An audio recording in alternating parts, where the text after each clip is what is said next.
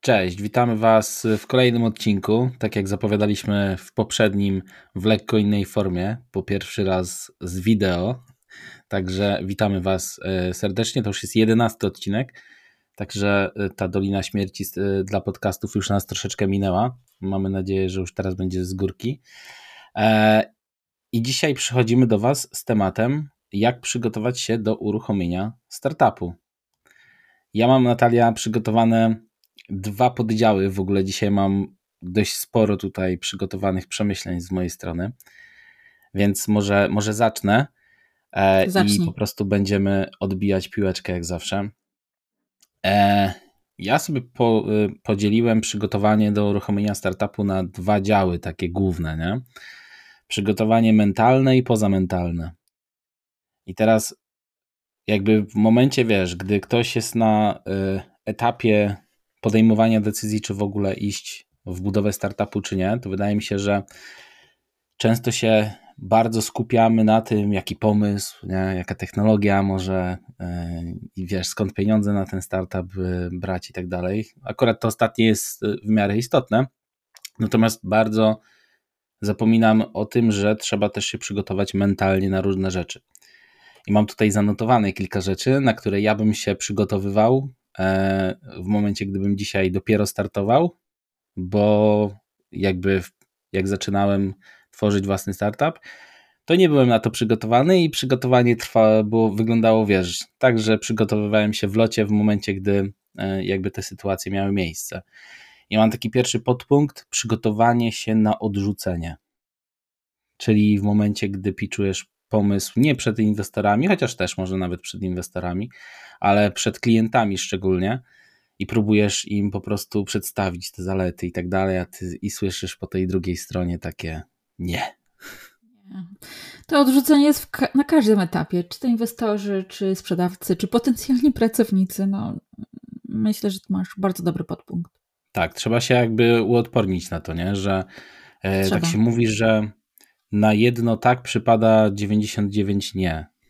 Więc y, trzeba się po prostu pogodzić z tym, że tak jest i zaakceptować i iść dalej, tak po prostu. Przy czym ja ze swojej strony chcę dodać, że mm, no akurat a propos była taka sytuacja. Klienci, którzy początkowo mówili nie, na pewnym etapie już dojrzałości produktu dołączyli jako e, kupujący. Tak, tak, no wiesz, no dlatego mówię, nie warto się tym przejmować, warto to zaakceptować i po prostu cisnąć, cisnąć dalej, nie? I zebrać Drugą feedback, rzecz. dlaczego nie? Tak, o to tak, to jest, to jest też bardzo ważne, więc tutaj jakby przygotowanie się na to, że jakby będziemy to słyszeć, to widzisz, to, to jest dobry, dobry ten, dobry punkt, yy, który powiedziałaś, że jakby to jest jakby kwestia tego przygotowania, że wiesz, jeżeli jesteś nieprzygotowana, to bardzo się tym podłamiesz, a jak jesteś przygotowana na to i masz tą świadomość, że to nie będzie się pojawiało często, to podejdziesz do tego zupełnie inaczej, będziesz pytała, drążyła i tak dalej, wyciągała wnioski i to ci pomoże, a jak ktoś usłyszy nie i pomyśli, a to mój pomysł na pewno jest zły, to wcale nie o to chodzi. Są, jest bardzo dużo czynników, które wpływają na to, że jakby jesteśmy odrzucani na tym e, początkowym etapie. Jakby drugi punkt, jaki mam, to jest brak użytkowników. Jakby trzeba się nastawić na to, że jakby w momencie startu mamy totalne zero i ten brak użytkowników to jest ciągły problem. I też nie można się tym przejmować, tylko trzeba po prostu próbować i, i próbować tą listę rozwijać. Też niewielka ilość użytkowników jest problemem nie tylko na samym początku później cały czas dążyć do tego, żeby tych użytkowników było więcej, żeby ich angażować i to jest przez cały cykl życia produktu, przynajmniej tak wynika z moich obserwacji. Nie wiem, czy, czy masz podobnie. No tak, jakby wiesz, jakby cały czas na przykład y, w zasadzie, no to każda firma trochę y, na tym polega, że jej głównym problemem jest brak i, i dostatecznej ilości klient, klientów. Nie? I jakby to, to jest jakby to, totalnie normalne, że zawsze nam będzie brakowało, no bo nawet jeżeli zdobędziemy, załóżmy, postawimy sobie jakieś cele i na przykład naszym pierwszym celem jest zdobycie 100 użytkowników, to bardzo szybko się to wysyci i za chwilę masz cel 500, 1000, 10 tysięcy i tak dalej. I jakby przy e, zwiększaniu tej ilości, tej skali, no jest po prostu coraz trudniej, bo tak naprawdę e, no też zależy od produktu, jaka jest nisza w ogóle i tak dalej. No temat rzeka tak naprawdę, możemy od tego, z tym zrobić jakby osobny odcinek nawet, nie? E, co dalej, e, co dalej mam tutaj zanotowane, to jest brak rozpoznawalności. I tutaj mam na myśli brak rozpo, rozpoznawalności marki startupu, produktu samego w sobie i nas jako funderów, że łatwiej jest się przebić, wiadomo, jeżeli mamy jakiegoś influencera, załóżmy instagramowego i on odpala jakiś swój produkt, bo wiesz, jakby też sobie tak pomyślałem, że my tak jak rozmawiamy o startupach, to z reguły mamy gdzieś takie wyobrażenie, że to są, wiesz, sasy jakieś, nie? jakieś tam soft i tak dalej, e, Natomiast wiesz, no startupy można nazwać w zasadzie dowolną usługę nawet, nie? I tutaj też nie ma, nie ma jakby jakiegoś takiego rozgraniczenia. No jestem sobie w stanie wyobrazić, że taki na przykład influencer, który przez lata budował swoją rozpoznawalność, ma jakąś grupę odbiorców i tak dalej, startuje z jakimś pomysłem. Może być to dokładnie taki sam pomysł, nawet jak nasz. On ma o wiele większą szansę na wystartowanie szybciej niż my, bo my nie mamy tej rozpoznawalności. W zasadzie nasz podcast też można nazwać poniekąd startupem. No, można to też tak nazwać, nie? W zasadzie to, co teraz robimy, to jest Podobne tak naprawdę... problemy. Tak, a to jest też trochę to, co my robimy, wpływa na, tą, na ten brak rozpoznawalności, że e, przez y, wiesz, dla jakiegoś grona, do którego dotrzemy, my będziemy bardziej rozpoznawalni i może nam to w przyszłości pomoże. Może nie, ale jakby nie zaszkodzi tą rozpoznawalność budować tak naprawdę, nie? Tak naprawdę może też zaszkodzić w niektórych przypadkach. To znaczy? Na przykład, e, załóżmy, że już masz ten, tą rozpoznawalność na rynku, już cię kojarzą, że Wojtek równa się Zenkal i załóżmy, no podam taki przykład, o którym ostatnio rozmawialiśmy. Oboje lubimy wrzucać memy. Przeróżne memy. I jakiś inwestor może dojść do wniosku, że nie, nie, nie, z tą osobą nie robimy biznesu, bo, bo jest lekko niepoważna. A, no to tak, to jakby to y, dotykasz takiego tematu, który też się gdzieś może prze, y, przewijać, to znaczy przywiązanie twojej marki osobistej, twojej jakby... Do produktu. Do produktu, no i, i to jest y, też, można na przykład na, mm, na przykładzie ten Brand24 y, stwierdzić, że właśnie marka osobista Michała Sadowskiego jako prezesa jest bardzo, bardzo związana z produktem, on się bardzo kojarzy z produktem, nie? E, I gdzieś nawet słuchałem e, rozmowy z nim i on powiedział, że no, no tak jest, że jakby w Polsce, bo za granicą nie ma tego problemu, bo jego marka osobista jest, y, w zasadzie nie istnieje, jak on to stwierdził za mhm. granicą, to w Polsce to jest coś takiego, że on potrafi dostawać, wiesz, bezpośrednio wiadomości, ej Michał, weź mi tu pomóż skonfigurować coś, nie? Gdzie przy ich skali, no to już tak trochę wiesz, nie? E, mówi, że cały czas gdzieś stara się być blisko użytkowników i to robić, natomiast jakby to pokazuje, że jakby to przywiązanie jego nazwiska, jego, e, jego wizerunku do produktu, jakby też sprawia, że są różne wyzwania z tym związane. Na przykład właśnie to, że użytkownicy zwracają się do niego, a nie do, do supportu na przykład. Nie? Albo przykład Maska, który różnym zachowaniem wpływał na akcję Tesli. No. Tak, tak, tak, tak, tak. No to na, na różnych etapach tak naprawdę rozwoju startupu różne są jakby wyzwania idące za tym, że nasz wizerunek jest jakby kojarzony z, z naszą firmą, nie? Dobrze. Kolejna rzecz, jaką mam zapisaną. Trudność w przekonywaniu innych do swojej wizji. Wydaje mi się, Ojej. że to jest to, co, o czym rozmawialiśmy już kolejny raz, chyba wrócę do tego tematu Adama Newmana, e, że jakby wiesz, ta umiejętność jakby przekazywania swojej wizji innym, jeszcze przekonywania ich jednocześnie do tego, że ona jest słuszna i jest super, to jest coś, co też warto gdzieś poćwiczyć, nawet nie wiem, może na jakichś wystąpieniach publicznych, może w jakiś sposób, nie wiem, w firmie, w której pracujemy, spróbować przeforsować jakiś pomysł w firmie, Zgadzam się, ale tutaj wchodzimy też w taki bardzo śliski temat, mm, jakby ślepą miłość do własnego produktu. Więc gdzieś jest granica przekonywania do własnej wizji, a mm, słuchania takiego racjonalnego, może inaczej, słuchania racjonalnych argumentów, dlaczego Twoja wizja jest błędna, nie do końca słuszna lub dlaczego wymaga skorygowania. Mhm. Mhm. No tak, tak, tak, tak. Jakby no, dlatego też jakby to zapisałem, bo wydaje mi się, że warto się na to przygotować. Szczególnie jak na przykład myślimy o tym od razu, żeby uderzać po finansowanie do funduszy. To wydaje mi się, że warto tutaj e, jakby przygotować się do takiej roli i, i wiesz, poćwiczyć troszeczkę takie. takie to zdecydowanie. No, Adam przekonywanie do swojej wizji osiągnął, no, osiągnął level master. W tej no tak. On powinien, on ogólnie powinien e, odpalić nowy startup.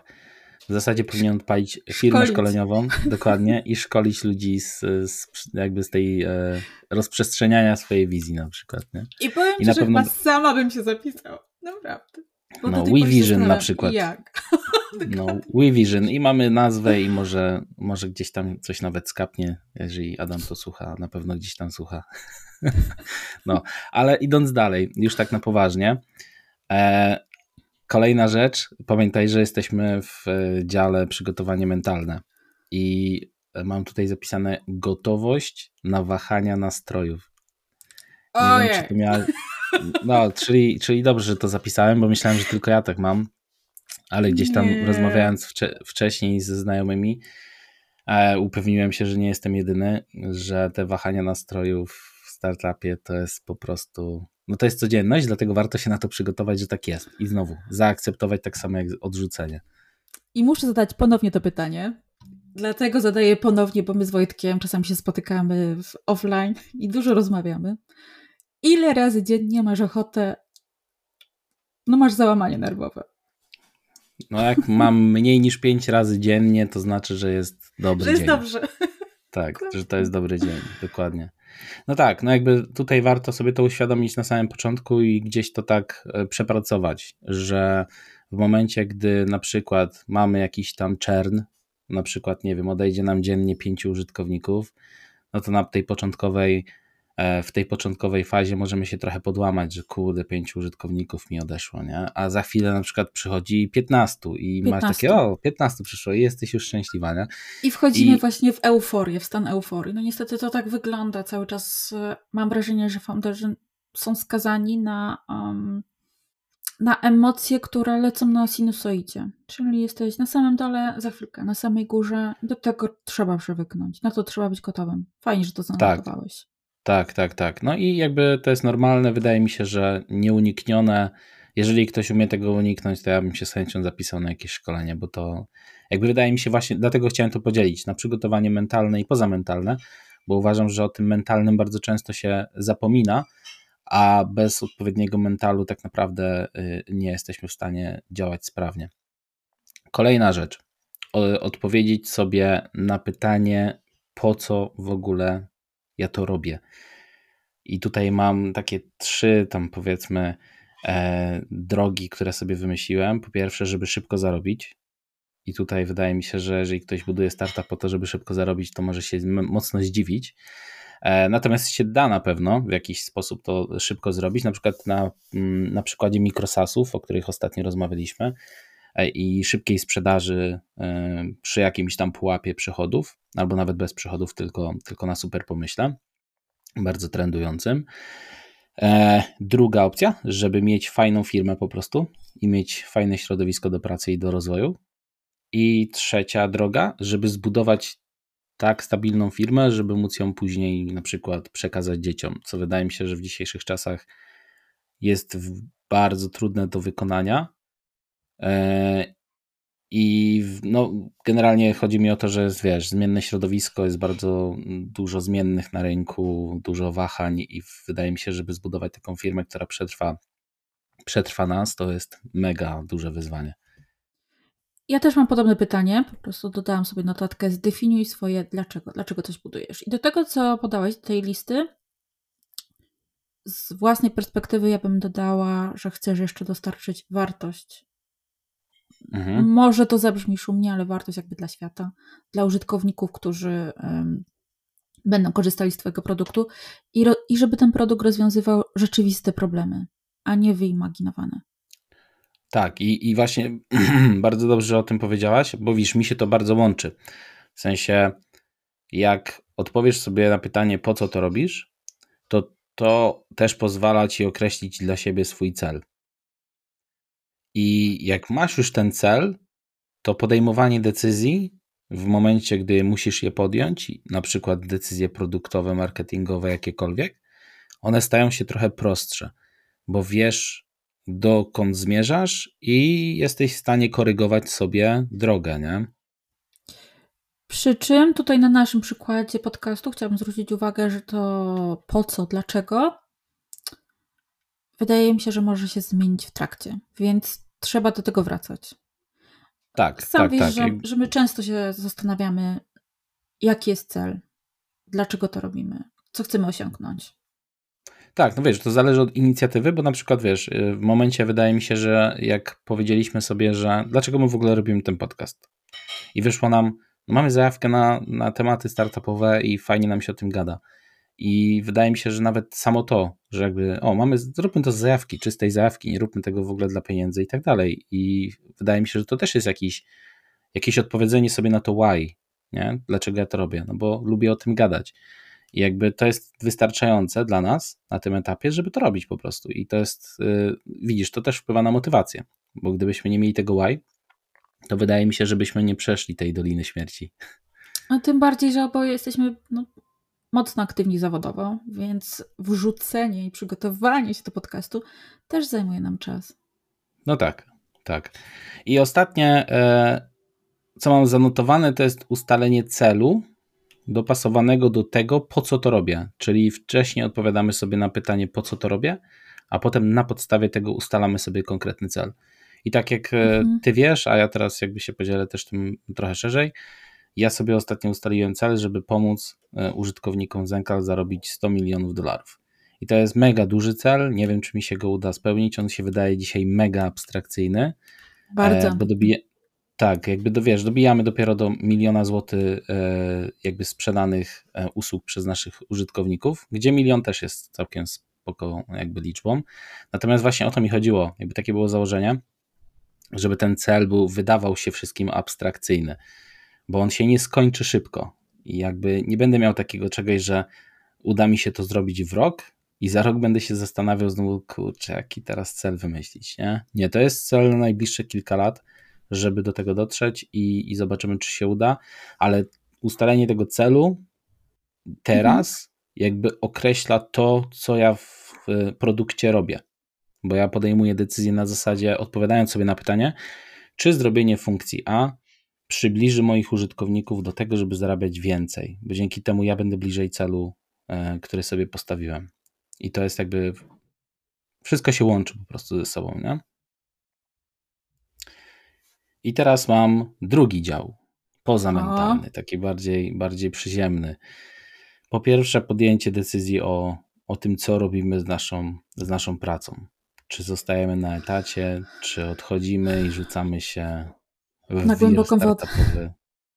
Dokładnie, bo na, tutaj jakby trzeba jakby też sobie uświadomić, że jakby drogi są, dróg jest wiele, bo ja pamiętam jak y, kilka lat temu gdzieś, wiesz, obserwowałem scenę, scenę startupową, to z reguły właśnie narracja była taka, o bierzemy finansowanie od VC, rzucamy robotę i robimy super startupy i jest wszystko super ekstra, y, a jakby to nie jest jedyna droga i to też warto wiedzieć, że można po prostu zacząć budować projekt jeszcze będąc na, na etacie. To prawda. Ja tylko dodam od siebie, że VC często wymagają wyłączności operacyjnej, więc um, na to trzeba być przygotowanym. Dodatkowo, jeżeli chcemy zrezygnować z etatu, to jednak proponuję mieć jednak zabezpieczenie finansowe. E, no, też o tym Wojtek rozmawialiśmy. Ta poduszka jest bardzo ważna i daje komfort psychiczny. E, ja też uważam, że niestety trzeba ściąć maksymalnie koszty swojego życia. Niestety, stety. Bo w innym wypadku będzie bardzo ciężko. Sama wiem po sobie. No tak. E... Jakbym tutaj e, pocieszę tylko wszystkich, że e, bootstrapowanie nie wymaga tej, e, tej, tej wyłączności operacyjnej, więc jest, jest droga, jest droga. To jest prawda. Co prawda nie ma z tego jakichś pieniędzy e, takich na powiedzmy na szybki wzrost i tak dalej, ale bootstrapowanie też jest fajne. Ale patrząc na ciebie, to wydaje mi się, że dzięki temu um, idziesz trochę wolniej, ale zmierzasz cały czas do celu. Bez stresu. Mm, I to też daje ci poniekąd jakiś komfort psychiczny. No, bez, bez, bez stresu. Bez stresu, tak, tak, tak. Ja to ujęłam. Nie, to bez... jeszcze bym dorzucił, to jeszcze bym dorzucił do, do punktu pierwszego, czyli przygotowania mentalnego, że jakby przygotowanie się na to, że jest masa stresów, masa problemów, e, to jest jakby też bardzo istotne, żeby mieć świadomość tego, że jakby jesteśmy od gaszenia pożarów tak naprawdę w startupie. Tak, to co ostatnio wrzuciłeś, CFO. Dokładnie, dokładnie tak. I wcale nie chodzi o dyrektora finansowego, żebyśmy tutaj Absolutnie. byli.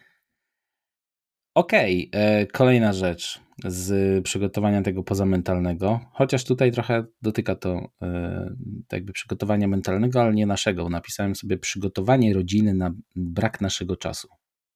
Bardzo dobry punkt. Mocny. Szczególnie jak zostajemy na etacie i robimy startup jako side project. Co moim zdaniem jest bardzo zdrowe, e, bo zmniejsza ilość stresów, bo nie masz takiego ciśnienia, że musisz zarobić w tym miesiącu na startupie tyle i tyle. E, Żeby utrzymać to, rodzinę. Tak, na przykład. Natomiast e, i, i wiesz, jakby ten brak tej takiej, no nazwę to tak, spiny finansowej powoduje, że nie musisz cisnąć swoich klientów.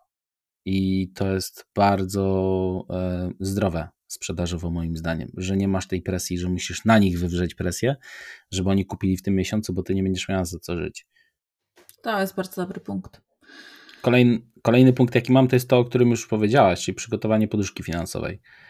I tutaj jakby wiadomo, jeżeli na przykład zostajemy na etacie, no to jest nam trochę łatwiej, no bo tak naprawdę nic się tak z, nie zmienia, nie? Z, tej perspektywy nadal mamy jakby stały przychód i w ogóle E, natomiast faktycznie, jeżeli chcemy podążać drogą VC, czy, czy w ogóle po prostu bootstrapować, ale skupić się tylko na produkcie, no to wiadomo, tą poduszkę, poduszkę warto mieć. E, kolejny punkt, też moim zdaniem bardzo ważny. E, otoczenie się ludźmi z podobnymi celami, priorytetami, wiesz, zbudowanie sobie odpowiedniego otoczenia. Tak, żeby mieć w tych ludziach trochę oparcia w trudnych chwilach, żeby mieć z kim pogadać, i z drugiej strony, żeby też móc się mm, wymieniać wiedzą. Tak jak na przykład my bardzo często odbijamy gdzieś różną piłeczkę w różnych tematach, to, to właśnie o to chodzi, żeby sobie stworzyć takie grono. To nie musi być duże grono, może być powiedzmy pięć osób, e, które jakby są na podobnym na przykład poziomie e, do nas, czy na przykład mają podobne problemy, albo nawet lepiej, jeżeli one są dalej w tej drodze i mogą ci doradzić, bo one już przeszły jakby to małe piekiełko. Tak, i te osoby mogą być taką grupą wsparcia mentalnego, wsparcia merytorycznego, taki tak, mastermind tak, tak, również. Właśnie, właśnie, to teraz się tak nazywa, mastermind, nie? Czyli grupa wsparcia. Yy, tak, i to jest bardzo ważne moim zdaniem, żeby mieć jakby w swoim otoczeniu takich ludzi, którzy, którzy mogą nam w tym pomóc. E, I, ostatnie to może być trochę, e, trochę śmieszne, e, natomiast zapisałem to, więc, więc się podzielę, już nie będę taki. Żeby przygotować się na to, żeby zbudować w zasadzie w sobie taką postawę drapieżnika, i to szczególnie w momencie, gdy się pojawiają w startupie pieniądze. Bo w momencie, to znaczy? gdy. To jest ciekawe. Wiesz co? Chodzi o to, że w momencie, gdy nie, startup nie zarabia, albo może nawet nie chodzi o to, że zarabia, tylko nie odnosi jakichś wielkich sukcesów, nie staje się rozpoznawalny i tak dalej, to w zasadzie wiesz, wszyscy mają tak naprawdę w nosie to, co robisz. Ale w momencie, gdy tobie zaczyna coś wychodzić, i tutaj nie mówię o tym, że zaczynasz zarabiać miliony, tylko zaczyna coś tobie wychodzić. Nie wiem, masz przyrost użytkowników, staje się twój brand bardziej rozpoznawalny i tak dalej. To w tym momencie pojawiają się osoby, które e, mogą chcieć jakby wpłynąć na to, że będzie ci szło gorzej. Powiem to tak mm, bardzo delikatnie. E, I wtedy wydaje mi się, że to jest bardzo istotne to, żeby nauczyć się, żeby nie chować głowy w piasek. Tylko trzeba jakby mieć tą postawę takiego drapieżnika i po prostu się bronić.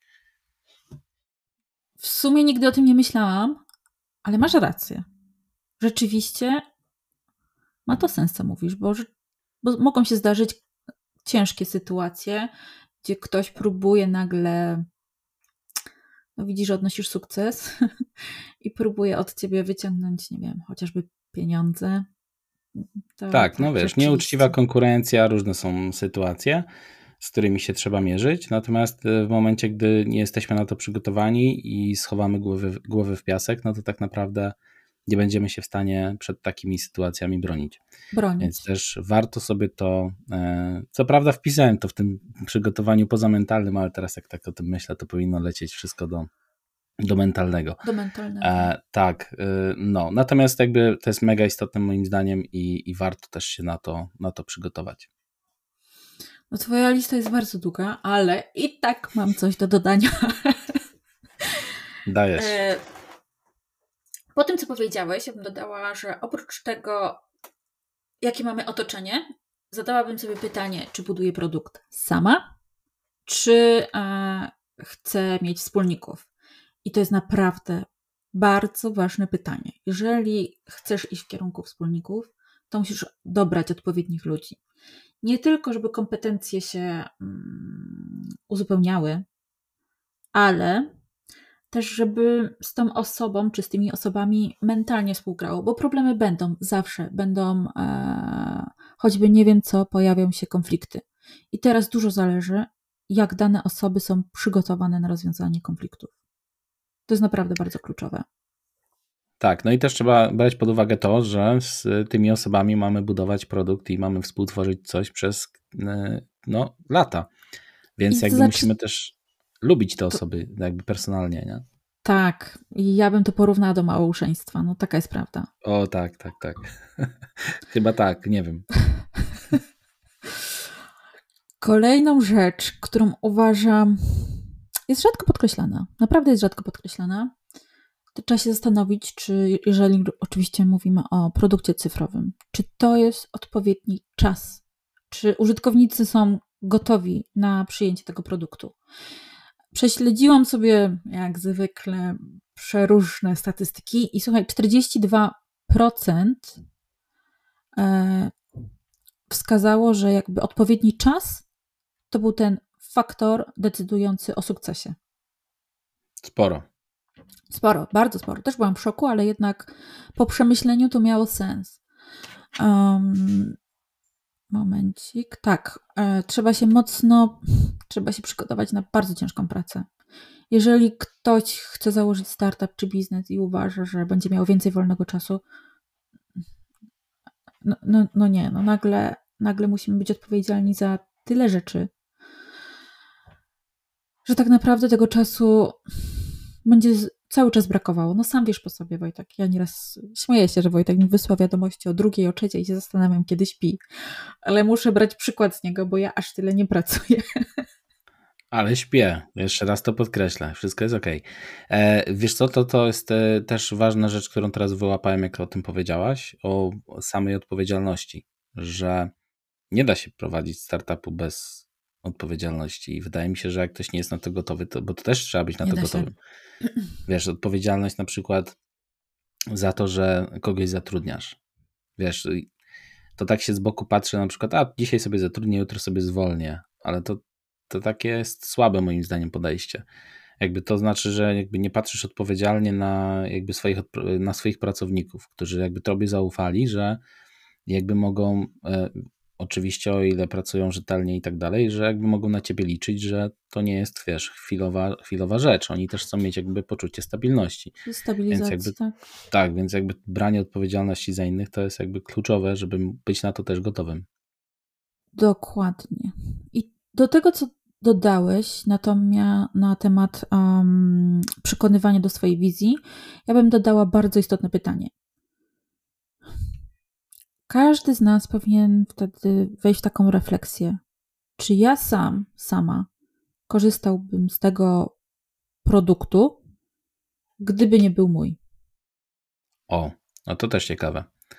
A to też e, to jest ciekawe, dlatego że tak jak sobie patrzę po różnych produktach, akurat mam teraz na myśli SASy, no bo ja jestem z tego środowiska i jakby dla mnie to jest taki mm, no najłatwiej mi się po prostu zbenchmarkować, czyli porównać do, do, do tego typu produktów, to wydaje mi się, że bardzo często właśnie e, słyszy się o sukcesach tego typu produktów w momencie, gdy one były tworzone z własnej potrzeby. Miałem taki problem, musiałem go rozwiązać, rozwiązałem go dla siebie, okazało się, że inni też mają takie problemy i, i o, i mam produkt, i mam, i mam firmę, nie? E, więc jakby to jest, to jest bardzo kluczowe, żeby właśnie korzystać ze swojego rozwiązania, nawet jeżeli, e, kurczę, ciężko mi sobie też wyobrazić tak naprawdę budowę produktu w momencie, gdy sami z niego nie korzystamy, ale może to jest, wynika z tego, że ja tak działam e, i ciężko mi jest sobie wyobrazić jakby inne działanie. Ale to jest mega istotne, tak, tu się zgadzam z tobą. I um, ostatnią rzecz, jaką mam na liście, bo resztę ładnie wszystko przejąłeś dzisiaj scenę, to czy jesteśmy gotowi na podjęcie ryzyka? I przez ryzyko mam też na myśli, czy jesteśmy gotowi na porażkę, bo to jest bardzo kluczowe. Jak wiesz, nasze poprzednie odcinki dotyczyły, mm, wybraliśmy różne use cases. I śledząc e, tych założycieli, okazało się, że często to nie był ich jedyny biznes albo pierwszy biznes. Tylko bardzo często oni gdzieś tam wcześniej mieli firmy, e, które wyszły, nie wyszły, no, no, przeróżny skutek, przeróżny efekt. I o tym się bardzo mało mówi, ale jak się zagłębisz w tematy, tak jak my w historię pewnych spółek czy założycieli, to wychodzi jednak, że no, porażka jest bardzo mi przykro, ale nieodzownym elementem budowania startupu. Tylko też zależy od rozmiaru porażki. Czy to jest porażka, bo nie wiem, dana funkcjonalność, którą zaimplementowałeś, nie udała się, nie została tak, jak podejrzewałeś, czy może w ogóle Twój produkt nie jest zgodny z oczekiwaniami rynku i musisz spiwotować. Mhm. To jest trudne zagadnienie, tak naprawdę. To jest w sensie... kolejny odcinek cały. Tak, wydaje mi się, że to jest kolejny odcinek i możemy trochę mm, bardziej o tym porozmawiać. A tak e, tylko w dwóch słowach, e, jakbym miał się do tego odnieść, to tak, zgadzam się, że trzeba być na to przygotowanym.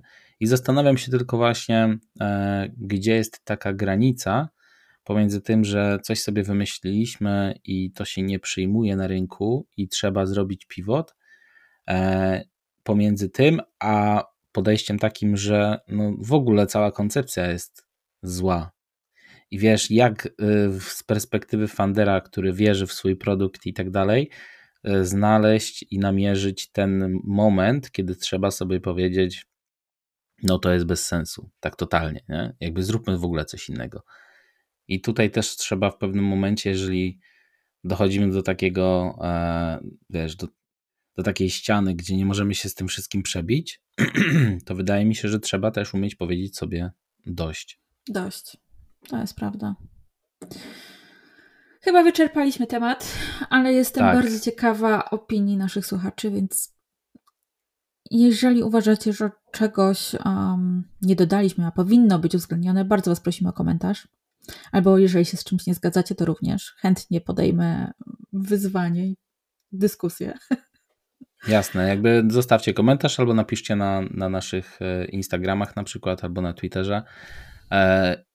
No i co? I niezmiennie za zachęcamy do pozostawienia lajka, suba, jeszcze raz komentarza, w zależności Dokładnie. od platformy. Dokładnie. I co? I słyszymy się w kolejnym odcinku. Dziękujemy Wam za dzisiaj i do usłyszenia w kolejny poniedziałek o dziewiątej. Dzięki, do usłyszenia.